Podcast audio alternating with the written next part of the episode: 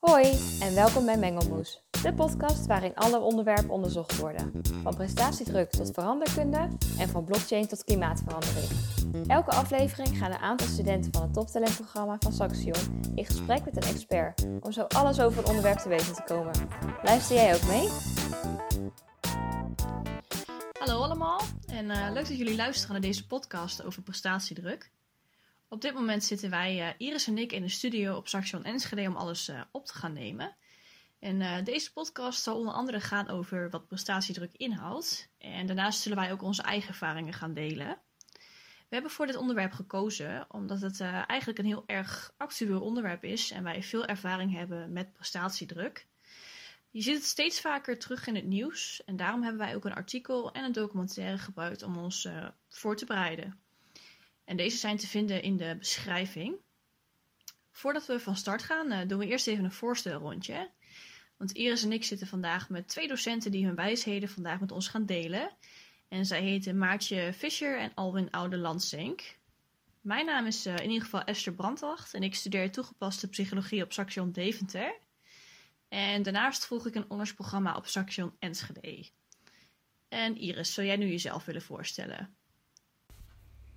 Ja, uh, ik zal mij ook even voorstellen. Uh, hallo allemaal, mijn naam is Iris Scherrits en ik ben derdejaars bedrijfskunde MER-student op het Saxion Enschede.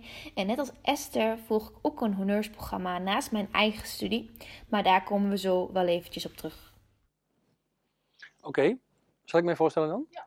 Uh, mijn naam is Alwin Oudelandsink, um, onder andere verantwoordelijk voor twee HP-programma's. Het ene HP-programma gaat over Change Leadership en dat zegt het al, verandering op organisatieniveau doorvoeren. En dan hoe je daar zelf in staat als leidinggevende, of als leider eigenlijk. En het andere programma gaat over Innovation and Business Creation. Hoe kan ik van een goed idee toevoegde waarde gaan creëren in de werkelijkheid. Uh, dat doe ik nu tien jaar. En uh, daarvoor zijn we volgens mij nu uitgenodigd om daarover te gaan praten. Ja, inderdaad, zeker. Uh, Maartje Fischer, ik ben docent toegepaste psychologie. Uh, daarnaast ben ik ook SLB'er, dus mentor van veel studenten, studentencoach. Dat is een soort extra plus.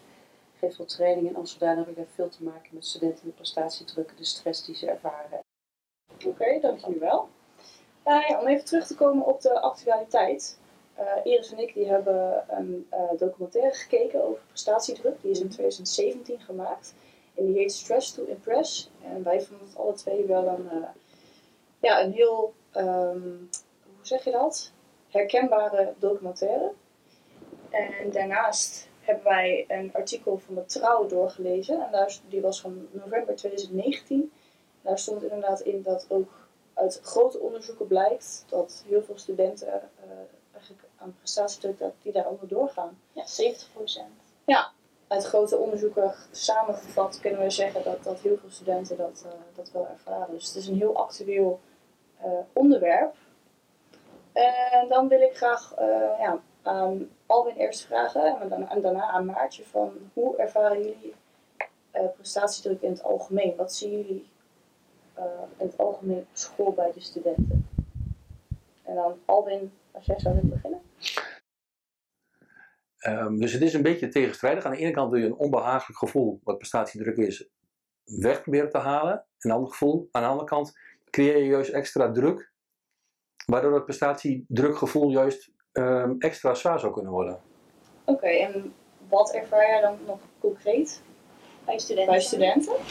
Bij studenten ervaar ik dat studenten in jaar 1, als ze bij ons in het programma binnenkomen, en dan heb je dus over het tweede jaar bachelorstudenten, denken dat dit niet speelt en denken dat ze er geen last van hebben. En dat je soms in jaar 2 en jaar 3 van ons HP-programma ziet dat mensen echt daadwerkelijk overspannen raken. Oké. Okay. En waaruit blijkt dat dat mensen overspannen raken? Wat voor kenmerken heeft dat? Um, wij hebben daar een, een leuke naam voor. Uh, we hadden ooit een student uh, in de klas en die heette Kjeld. En wij, uh, dat, dat zie je terug in de vorm van Keltisme. En Keltisme wil zeggen dat je het gevoel hebt dat je heel druk bent in je hoofd en dat er niks uit je handen komt. Daar zie ik het in terug. Oké, okay, oké. Okay. Nou, dan komen we daar sowieso nog op terug. We komen ook terug op um, het ordersprogramma. Want uh, voor de luisteraars is het misschien onduidelijk ja. wat een ondersprogramma nou precies is.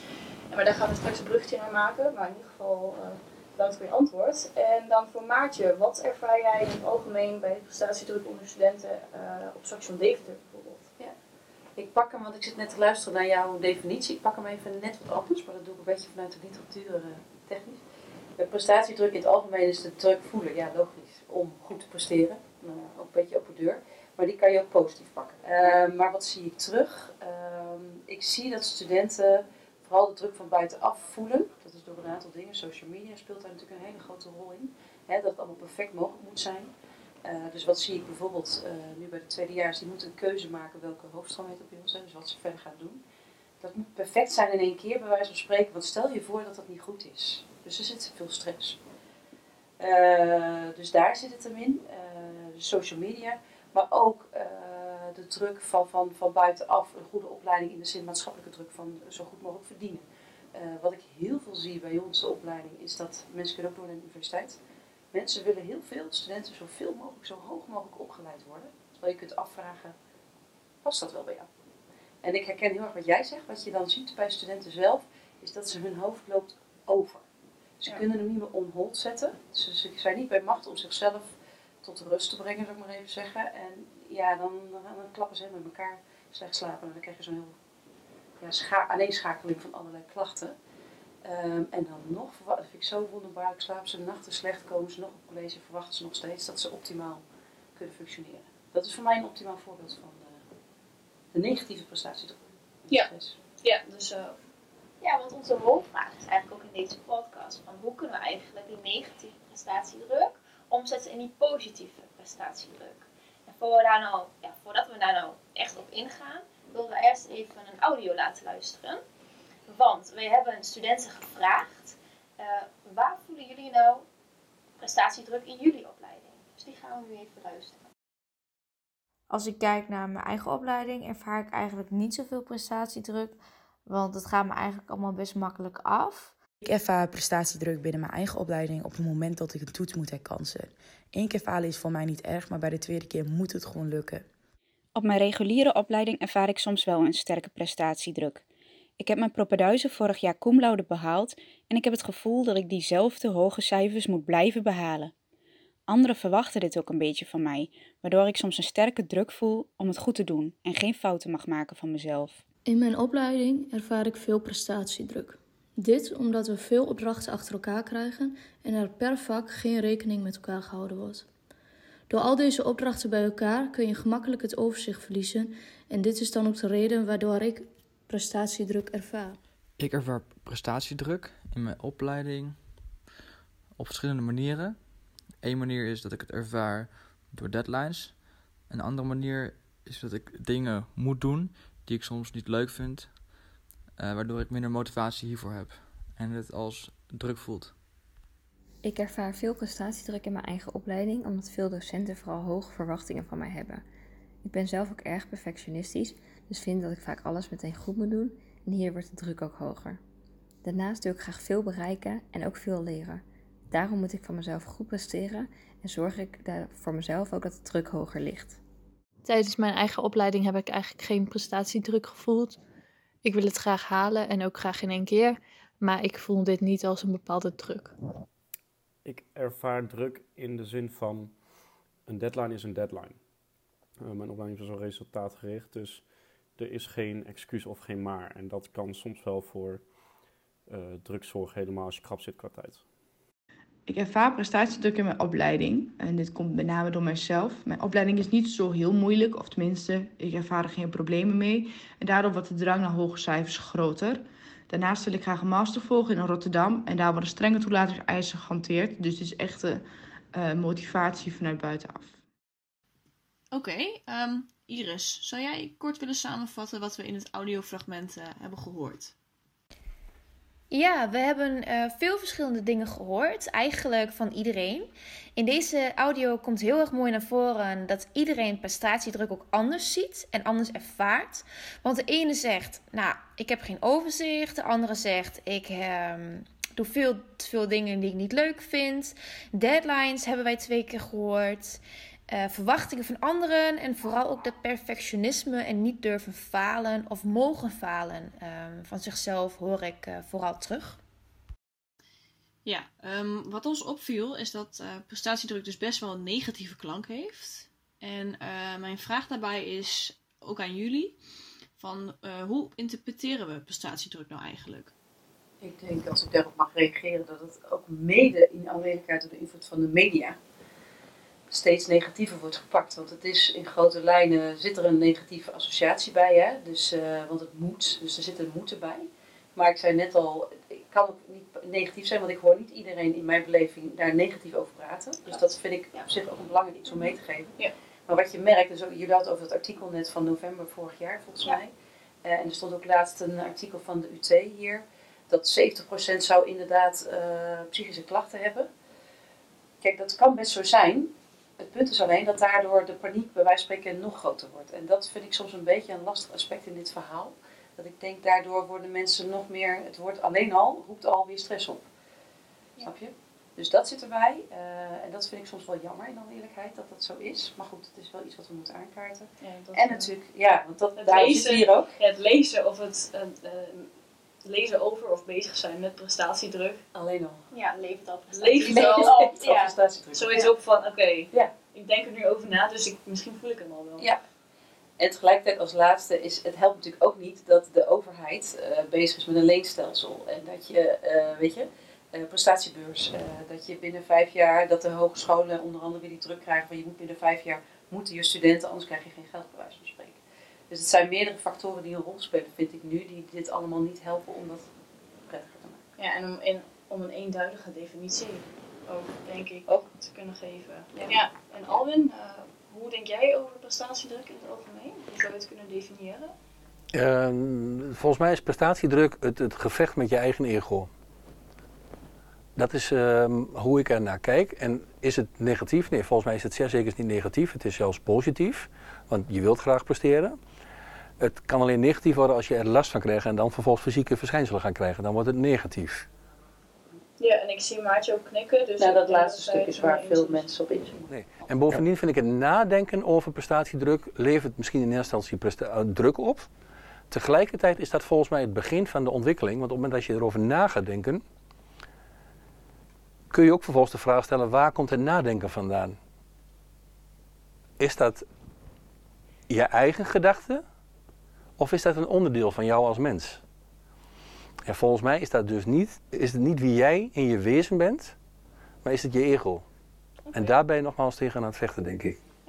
Ik vind het wel mooi iets om over na te denken. Ja, dit is zeker iets. Ja. En dan ben ik benieuwd ehm, naar jouw ervaring op je eigen studie, eh, Iris. Zou jij jouw ervaringen kunnen delen van prestatiedruk? Ja, ik voel die, echt die positieve en negatieve prestatiedruk door elkaar heen. Ehm, als ik kijk naar mijn eigen opleiding, vind ik dat ik heel veel dingen heel leuk vind om te doen. En daar haal ik ook echt heel veel energie uit. Maar je moet ook echt dingen doen die echt moeten. En dan heb je altijd het verschil tussen dingen die moeten en eh, dingen die gewoon gedaan moeten worden. En die dingen die echt moeten en die vind je dan niet leuk en dat levert dan die druk op. En dat heb ik ook echt wel bij mijn eigen opleiding. En eh, daar ervaar ik ook wel veel druk door. En het, vooral ook het willen presteren van mezelf. Dus mijn perfectionisme zorgt ervoor dat ik hoge verwachtingen van mezelf heb. En dat doet nog niet zozeer de omgeving van mij, maar echt vooral mijn eigen perfectionisme. En daar zie ik ook wel heel erg ehm, in terug. En als ik dan even een bruggetje maak naar het HP-programma, waar we zo even een definitie van gaan geven, zie ik dus Ehm, kijk, in het HP-programma mogen we zelf onder- onderwijs maken. Dus de inhoud die we hebben, eh, die mogen we zelf bepalen. We mogen zelf bepalen wat we leren. Natuurlijk wel binnen bepaalde kaders. Het moet natuurlijk wel eh, toegevoegde waarde hebben. Ehm, en daar zie je ook wel dat je gemotiveerd bent. En zeker heb je daar prestatiedruk. En de dingen die je daar moet doen, levert ook wel prestatiedruk op. Maar deze prestatiedruk is dan positief, waar we het dan over hebben. En jij, Esther? Ehm, ik ervaar prestatiedruk als druk van buitenaf, eh, maar ook druk die ik mezelf vaak opleg. Ehm, ik vind dat ik altijd goed moet presteren en ook het beste uit mezelf altijd moet halen. En eh, voor de buitenwereld wil ik graag ook vaak eh, de beste zijn. En dat levert soms wel eens lichamelijke klachten op, als hoofdpijn bijvoorbeeld omdat ik dan zo bezig ben met het goed kunnen presteren en goede cijfers halen, ehm, ja, dat ik daar last van krijg. Dus dat is mijn prestatiedruk. En inderdaad ook uh, het honorsprogramma heeft mij uh, daarin hele mooie dingen gebracht. Dus het lijkt me goed uh, als wij het nu gaan hebben over uh, ja, wat is een honorsprogramma nou eigenlijk. Om daarna het bruggetje te kunnen maken van onze ervaringen die wij graag ook vandaag met jullie willen delen. Ja, dan komt de eerste vraag natuurlijk naar voren. Wat is nou een HP-programma? Wat betekent het nou? Nou, heel kort, het is een verbreding van je studie. Dus je doet naast je reguliere studie, doe je iets naast. Um, en wij, Esther en ik, doen het programma Innovation and Business Creation. Nou, Alwin, daarom hebben wij jou hier. Dus vertel even kort wat het programma inhoudt aan de luisteraar. Het heeft te maken met de naam uiteraard, innovation. Dus hoe kom ik van, uh, hoe ontwikkel ik überhaupt een goed idee? Want om te ondernemen heb ik een idee nodig. En of dat idee van mijzelf afkomt of van jou, maakt niet uit. Maar ik heb een idee nodig, anders kan ik niet ondernemen. Vervolgens moet je ook nog eens in staat zijn om dat idee marktrijp te maken. En dat wil zeggen, er moet misschien geld op de plan komen. Er moet een organisatievorm aan te pas komen. Er moeten mensen aan te pas komen. Uh, er moet een missie, een visie uh, enzovoort. Er moeten allemaal dingen georganiseerd worden voordat je überhaupt kunt gaan ondernemen. Dat is het tweede onderdeel wat we proberen te realiseren. En het derde onderdeel is dat we dan ook echt gaan proberen in de werkelijkheid te ondernemen. Dat is het ons programma Innovation and Business Creation. Dat is de, de business kant zeg maar, van het gemaakt. En daarnaast is het uh, onderdeel persoonlijke ontwikkeling heel erg belangrijk. ik begin met die eerste vraag. Wat, wat, wat doen wij aan persoonlijke ontwikkeling? ja, we doen eigenlijk heel, we doen zoveel dat het heel lastig uit te leggen is, zelfs ook al zou je me een uur geven om uit te leggen wat wij allemaal doen. En uh, het feit dat jullie nu knikken met je hoofd betekent dat je bevestigt wat ik zeg.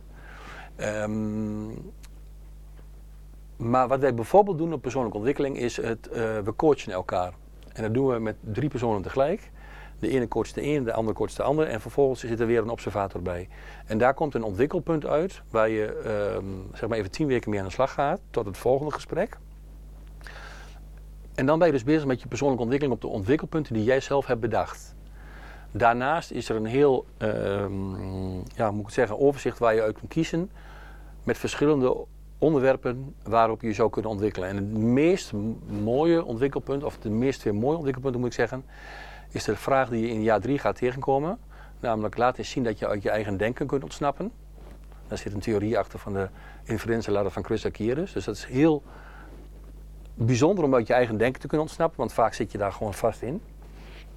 En een tweede heel ingewikkeld ontwikkelpunt is dat je um, op overtuigingsniveau, en er zit een model achter wat van logisch niveaus van Petersen, dat je op overtuigingsniveau je eigen overtuiging moet herkennen. Vervolgens moet proberen die overtuiging te veranderen. En ook bijpassend gedrag daarbij laat zien. Dus dat zijn echt mega ingewikkelde ontwikkelingen die je aan jezelf en uitdagingen die je aan jezelf kunt gaan geven. En dat maakt ons HP-programma denk ik heel erg interessant en uitdagend. En tegelijkertijd ook weer stressvol. Want als je het dan niet kunt, betekent dat weer iets.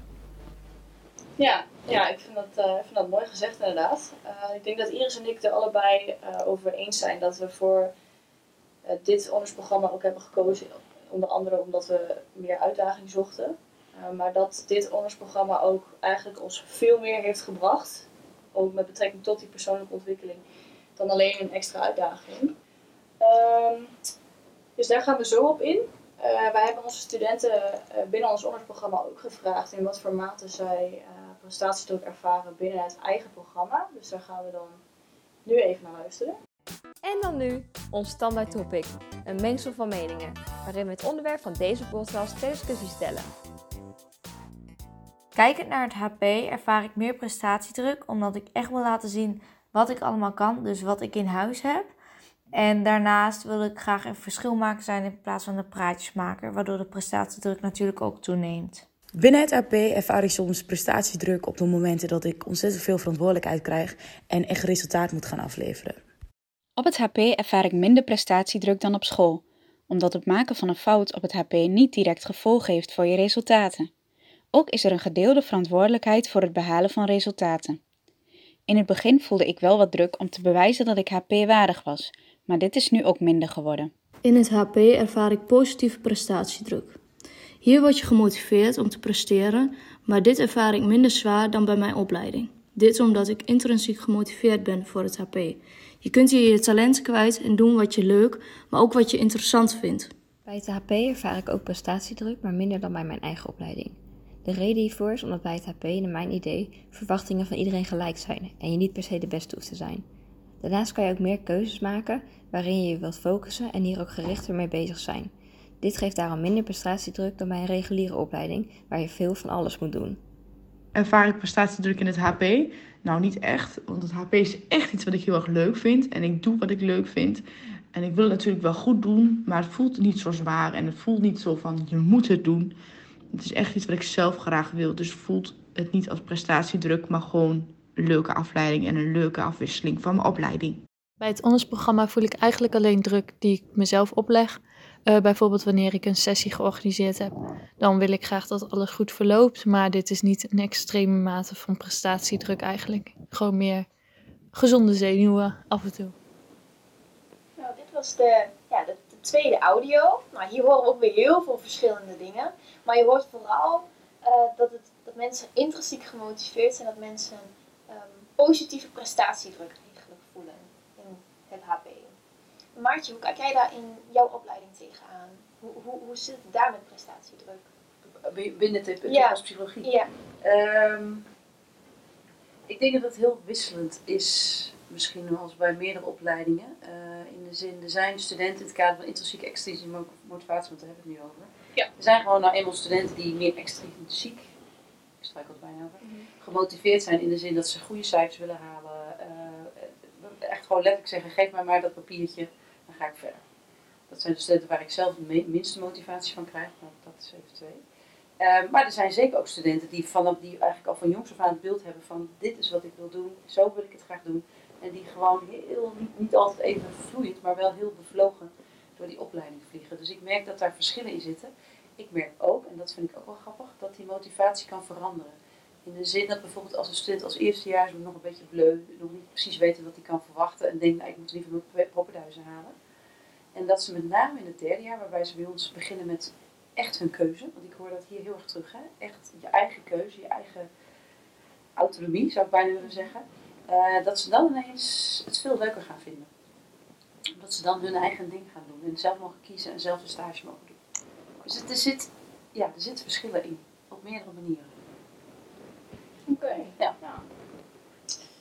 Ja, want Iris, wat heb jij eh, ervaren met betrekking tot je positieve en negatieve, hoe moet ik dat zeggen? Met betrekking tot je extrinsieke en intrinsieke motivatie met betrekking tot het HP en je eigen studie. Dat heb ik eigenlijk net al wel een beetje verteld. Ehm, maar het mooiste hierin vind ik dat je echt moet doen waar je achter staat. En waar, ehm, wat je vooral heel leuk vindt om te doen. Want daar haal je ook heel veel energie uit. Want je zegt ook heel vaak van, goh, ik ga iets doen. Ik ga bijvoorbeeld, eh Esther, ja, had het daarover, een training geven. En eh, die training vind je best wel heel erg leuk om te geven. Maar eigenlijk hou je er niet van om voor grote groepen te staan. Dus dit is ook niet iets wat je wil gaan doen in de toekomst. En dat vind ik echt zo'n ding van eh, dat je op zoek bent wat je nu heel erg leuk vindt om te doen en waar je nou gemotiveerd en blij van wordt. Zo moet je ook een beetje je weg proberen te kiezen van eh, wat vind ik nu leuk en ehm, ik denk dat het ook heel veel uitproberen is. Dat dat ook heel erg belangrijk is. En dat heel veel studenten ook zoiets hebben van... Oh, dat vind ik spannend dat durf ik niet. En dat kan ik heel erg goed begrijpen. Maar ik zeg gewoon doen. Ga het gewoon uitproberen. Maar wat is het dan dat wij hierin zouden moeten leren? Want Confucius, die zei 500 jaar voor Christus, al geef een baan die bij me past en ik hoef nooit meer te werken. Ja, ja. Maar ik denk dat er heel veel, omdat er nou zoveel keuzes zijn, dat het nu ook veel moeilijker wordt gemaakt.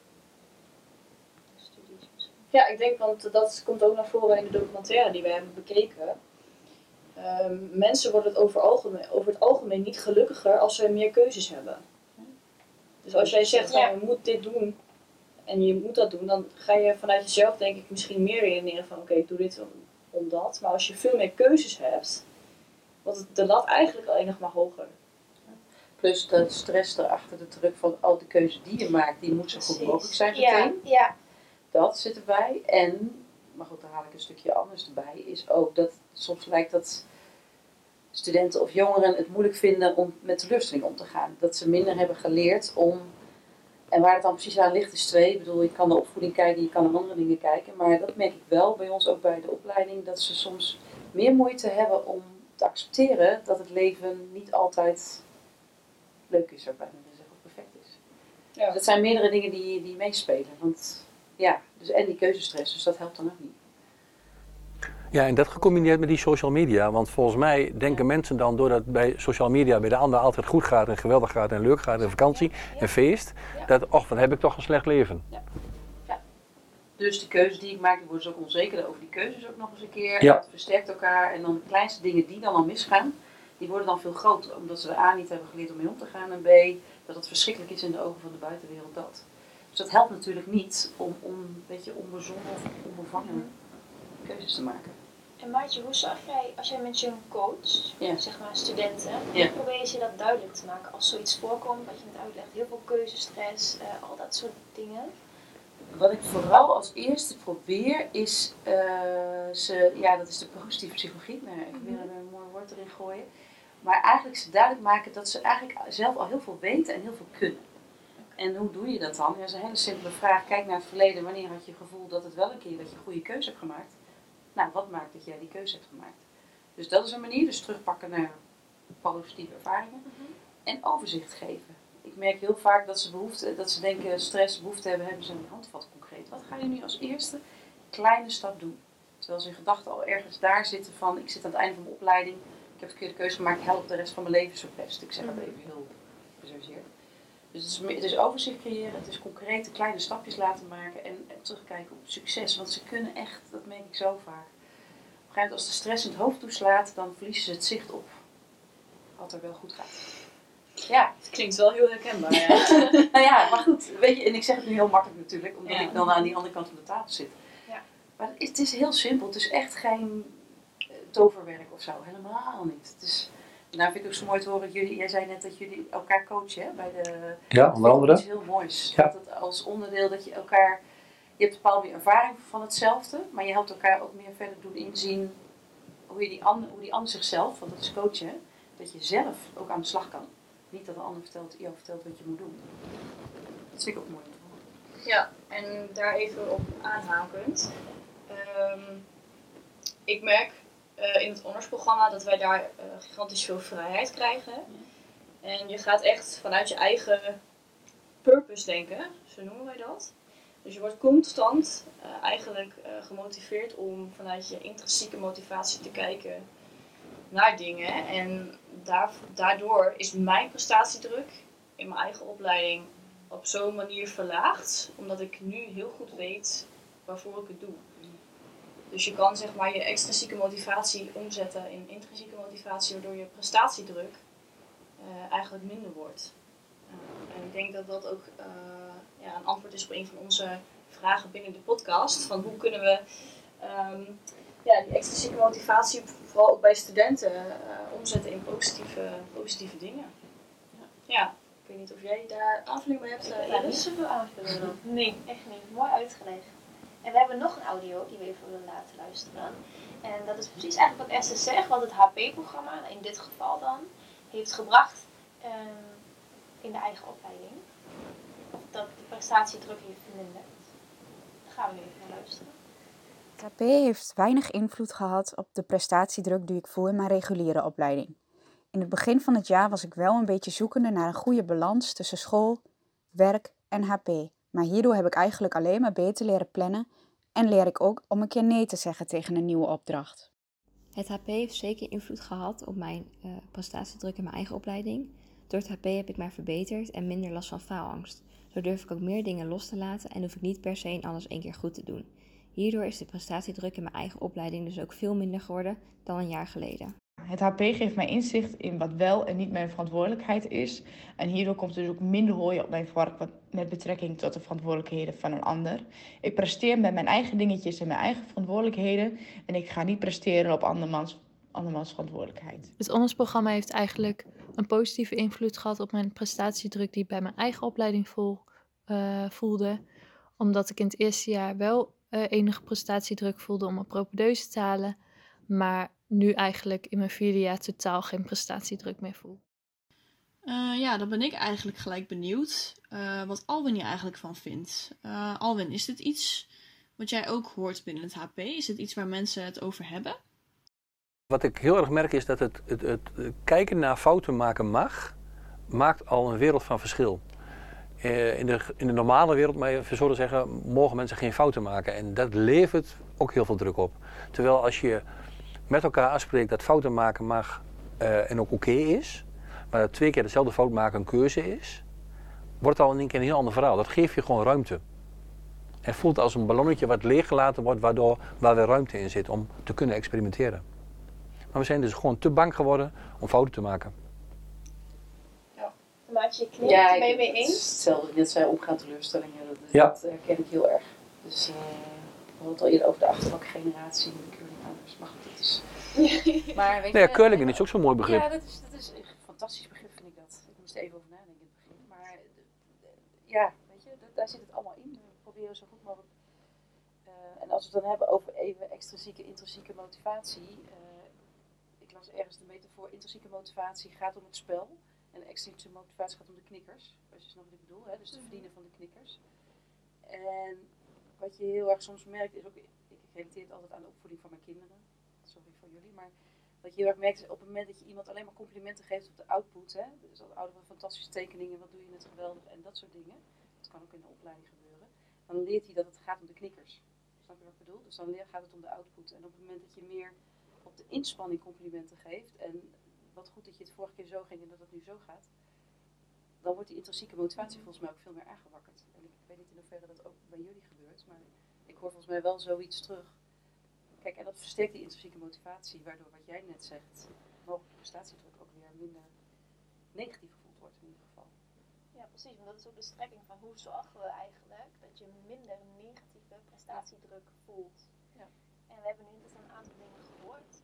Um, Maatje, wat zou jij studenten mee willen geven die dit nu luisteren en denken, ja, ik volg misschien geen HB-programma, nee. ik wil misschien wel gaan doen, maar of, of, of, misschien ook niet. Maar wat, wat kun je hen meegeven? Um, wat kan ik u meegeven? Ja, dat kan natuurlijk op meerdere manieren. Want het hangt ook af van de opleiding en hoe die ingericht is. Want wat heel mooi is bij HP is die ruimte.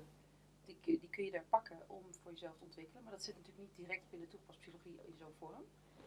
Maar goed, daar kunnen wij als opleiders kunnen wij daar natuurlijk ook nog eens mee. Maar dat vind ik, dat vind ik ja. twee. Ik zie jou hier allemaal heel goed ja. En daar ben ik ook voor, voor de duidelijkheid. Maar dat kan niet altijd. Maar als het gaat om studenten zelf.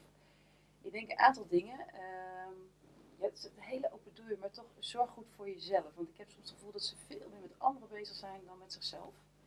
En ik weet dat het ook heel makkelijk klinkt, maar juist als je op de avond zo moe bent, ik weet het ook van mezelf, en op die bank niet ploft, ga juist dan, ga sporten, ga naar buiten, ga weet ik van wat voor dingen doen. Dus weet ook wat goed is voor jezelf. Maar durf ook om hulp te vragen. Weet je, hulp vragen is geen falen. Het is geen, en dat mag in welke vorm dan ook, mag het zijn. ik zie jullie al lachen. Ja. Ehm, maar hulp bedoel ik mee, dat kan misschien het liefst wel iemand die iets verder van je afstaat, omdat het soms kan helpen. Uh, ja, dat het, ja, hoe zeg je dat? dat? Dat iemand dan wat beter objectief daar met je over kan praten. Um, ja, ik denk dat dat, dat een beetje, want het al is maar één gesprek, dat kan soms echt even helpen om de dingen op een rijtje te zetten en vervolgens weer verder te gaan. En durf te falen, ja, het is ook weer zo'n open deur, maar het, echt, ik, mensen leren het beste met de herkansingen bijvoorbeeld bij de assessments die wij dan, ja, je weet wat ik bedoel, live assessments van gesprekken. Ja, je hebt uh, bij mij ook van alles al meegemaakt. Dus, ja, uh, ja, ja, maar goed. ja. ja, en Alwin, uh, heb jij tips of tricks? Nou ja, volgende HP-programma zou ik sowieso zeggen. Omdat het, je, omdat het je dwingt om na te denken over je eigen denken. Alleen dat is al heel erg interessant. Maar daarnaast ehm, geven we onze studenten toch wel heel veel bagage mee. Namelijk, het begint al met de eerste module van Mirjam Spithol met ik-filosofie. Daarin wordt je al geleerd dat je niet je gedachten hebt, maar dat je, dat je niet je gedachten bent, maar dat je ze hebt.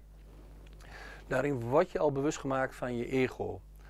Daarin word je ook al bewust gemaakt van het feit dat uh, slimme mensen leren van hun eigen fouten en geniale mensen leren van fouten van anderen. En toch hebben we blijkbaar nog steeds het nodig om slim te kunnen zijn. En pas dan komt de volgende fase waarschijnlijk om geniaal te kunnen zijn. Ik, en ik gun jullie zo graag genialiteit aan de voorkant. Maar je kunt gras niet harder laten groeien door dat te trekken, zeg ik altijd. Ja, dat is zeker waar. Iris, heb jij nog tips voor de luisteraars en studenten onder ons? Ja, zeker. Ehm, inderdaad.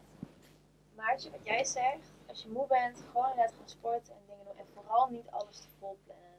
Daar ben ik ook nog wel goed in. Alles vol plannen, van ochtends, avonds. En ook al met ontspanningsdingen, zeker. Bijvoorbeeld ochtends school en dan s'avonds weer een feestje en de volgende dag weer werken. Nou, hou je niet vol. Dus ehm, gewoon rust plannen, rust nemen op het moment dat je ze nodig hebt. En ik denk dat dat ook het belangrijkste is en ook weten wat je verantwoordelijkheden zijn. En dat was vooral wat in die audio's terugkwam. Ga niet iets doen met verantwoordelijkheden van de ander, want het is jouw verantwoordelijkheid niet. En soms dan heb je dat verantwoordelijkheidsgevoel heel erg. Bijvoorbeeld als je in een groepje zit, op school, op de opleiding, en eh, je moet een verslag maken en je zit met vier mensen en uh, twee doen niks bijvoorbeeld. Hè. Bijvoorbeeld komt vaak voor, twee doen wel wat. dan is het jouw verantwoordelijkheid niet dat jij dat verslag met z'n tweeën maakt. En dat hebben heel veel studenten wel, naar mijn mening. Maar dan moet je gewoon zeggen, of je stapt eruit, en dat is heel moeilijk om te zeggen, of je gaat naar de leraar en die helpt je dan. En dat is dan de hulpvraag stellen. Dus ik denk dat dat het is. Maar de vraag die ik dan toch nog aan jullie heb is, want jullie weten dat je beter vier dingen goed kunt doen dan tien dingen half, want dat roepen we wel regelmatig. En daar knikken jullie vervolgens ja op. En maar doen vervolgens nog steeds tien dingen en misschien nog wel liever twaalf dingen half. Wat maakt dat? Dat is een hele goede vraag, um, ja, ik denk dat ik gewoon eigenlijk uh, dat doe omdat ik zoveel mogelijk dingen wil meepakken. Uh, en dat meer qua ontwikkeling. Ik wil mezelf gewoon zo ver mogelijk kunnen ontplooien. Dus ik wil eigenlijk niks missen en kansen pakken die ik misschien nog wel niet aan kan. En uh, ja, ik denk dat het daar mee te maken heeft. Dat ik gewoon heel veel dingen eigenlijk wel wil doen. Maar volgens mij leidt het voormoorgedrag, of hoe noemen jullie dat, niet tot meer geluk. Dat denk ik, ja. En waarom zou je het dan wel doen? Um, ja, ik ben er zelf ook nog druk mee bezig. Ik zit midden in een ontwikkeling van uh, fouten maken mag en uh, minder prestatiedruk voelen. Dus ik heb daar op dit moment nog niet echt een gepast antwoord op. Um, omdat ik gewoon daar zelf nog gigantisch mee bezig ben. Maar wat ik wel mee kan geven is dat, ja, ga er überhaupt mee bezig. Want uh, door het onderzoeksprogramma heb ik mezelf nog nooit zo goed leren kennen als nu. En ik weet dus heel goed nu wat er in mij zit en hoe intrinsiek gemotiveerd ik voor dingen ben. Dus als je daar al gewoon mee bezig gaat, dan komt denk ik de rest vanzelf ook wel. Maar het, het is gewoon een hele grote stap om daar überhaupt over na te gaan denken en, en überhaupt je eigen denken ook en doen te kunnen ontsnappen. Dus ik heb daar op dit moment nog niet echt een heel goed antwoord op. Een mooie tip die ik daar voor heb, Eckhart Tolle. Ik weet niet of je hem kent. Nee. Uh, de kracht van het nu onder andere. Uh, echt fantastisch, want die maakt op een hele simpele, eenvoudige, leuke, neutrale manier je bewust van je eigen denken. Uh, en je eigen gevecht met je eigen ego. Kun je daar eens een voorbeeld van geven? Hoe gaat het tussen weg? Ik kan het niet zo mooi als hij dat doet, maar hij maakt je bewust door. Uh, je bent continu in gedachten met jezelf. Dit moet ik doen, zus moet ik doen. Je bent dus nooit aan het genieten van het hier en het nu. En als je snapt dat dat je gedachte is en dat dat je ego feitelijk is, kun je het loslaten en kun je ook even niet denken. En ik moet eerlijk zeggen, ik heb dat nog niet zo lang geleden ontdekt, maar dat is heel erg fijn om even niet te denken. Ja, want ik denk dat prestatiedruk ook meer te maken heeft uh, en ook past een eigenschap is van mensen die alleen maar in de toekomst leven. Exact. Je kijkt alleen maar of in het verleden. Of in het verleden, ja. En in het hier en nu leven zou daar wel een positieve bijdrage aan kunnen ja. leveren. Ja, daar ben ik ook van overtuigd. Bijvoorbeeld tegen de stress. Ja. Ik kan zeggen, prestatiedruk op ja. zich hoeft niet erg te zijn, maar het zal in het om kunnen omgaan met het relativeren. Want dat is ook vaak iets, even erbovenuit kijken, inderdaad sta stil en kijk waar je überhaupt bent en wat je al hebt. Nou, ik kan me voorstellen dat dat... Uh, ja. Alleen als je dat tegen een student soms zegt, ik weet nog dat ik wel zelf aan yoga heb gedaan, en dat hij zegt, laat je gedachten in wolkjes wegvliegen. Nou, ik werd zwaar geïrriteerd. Snap je? Dus iedereen heeft zijn eigen manier erin om dat te doen. En ontdek dat, want ik vind ik wel mooi dat je dat zegt, ontdek ook wat jouw werkt. Bij sommigen is dat keihard gaan lopen en weet ik veel wat. Anderen moeten stilzitten op een matje. Dus het, iedereen heeft zijn eigen manier ook om in het hier en nu te zijn. Ja, maar je kunt het eigenlijk heel, je kunt het eigenlijk heel simpel testen door als je je nu de vraag stelt, wat voor probleem heb ik op dit moment? Ik heb het een beetje barren. Nee, niet hè? Maar dat is niet echt een probleem, zou ik zeggen dan. Als we echt nu vragen van, heb ik nu echt een probleem? Nee, niet heel comfortabel meer. Ik heb het echt heel warm. Dat is een tijdelijke staan. hè? Dat is een tijdelijke, ja, dat is een tijdelijke Geen sta- probleem dus, oké. nou dan, eh, Ja, feitelijk hebben we, hebben we geen probleem. En dat is, de, dat is de, wat hij probeerde uit te leggen in de kracht van het nu. In het nu is er geen probleem. Het probleem zit in ons, ho- in ons hoofd, wat gaat plaatsvinden in de toekomst. Maar wat nu niet het geval is. Ja.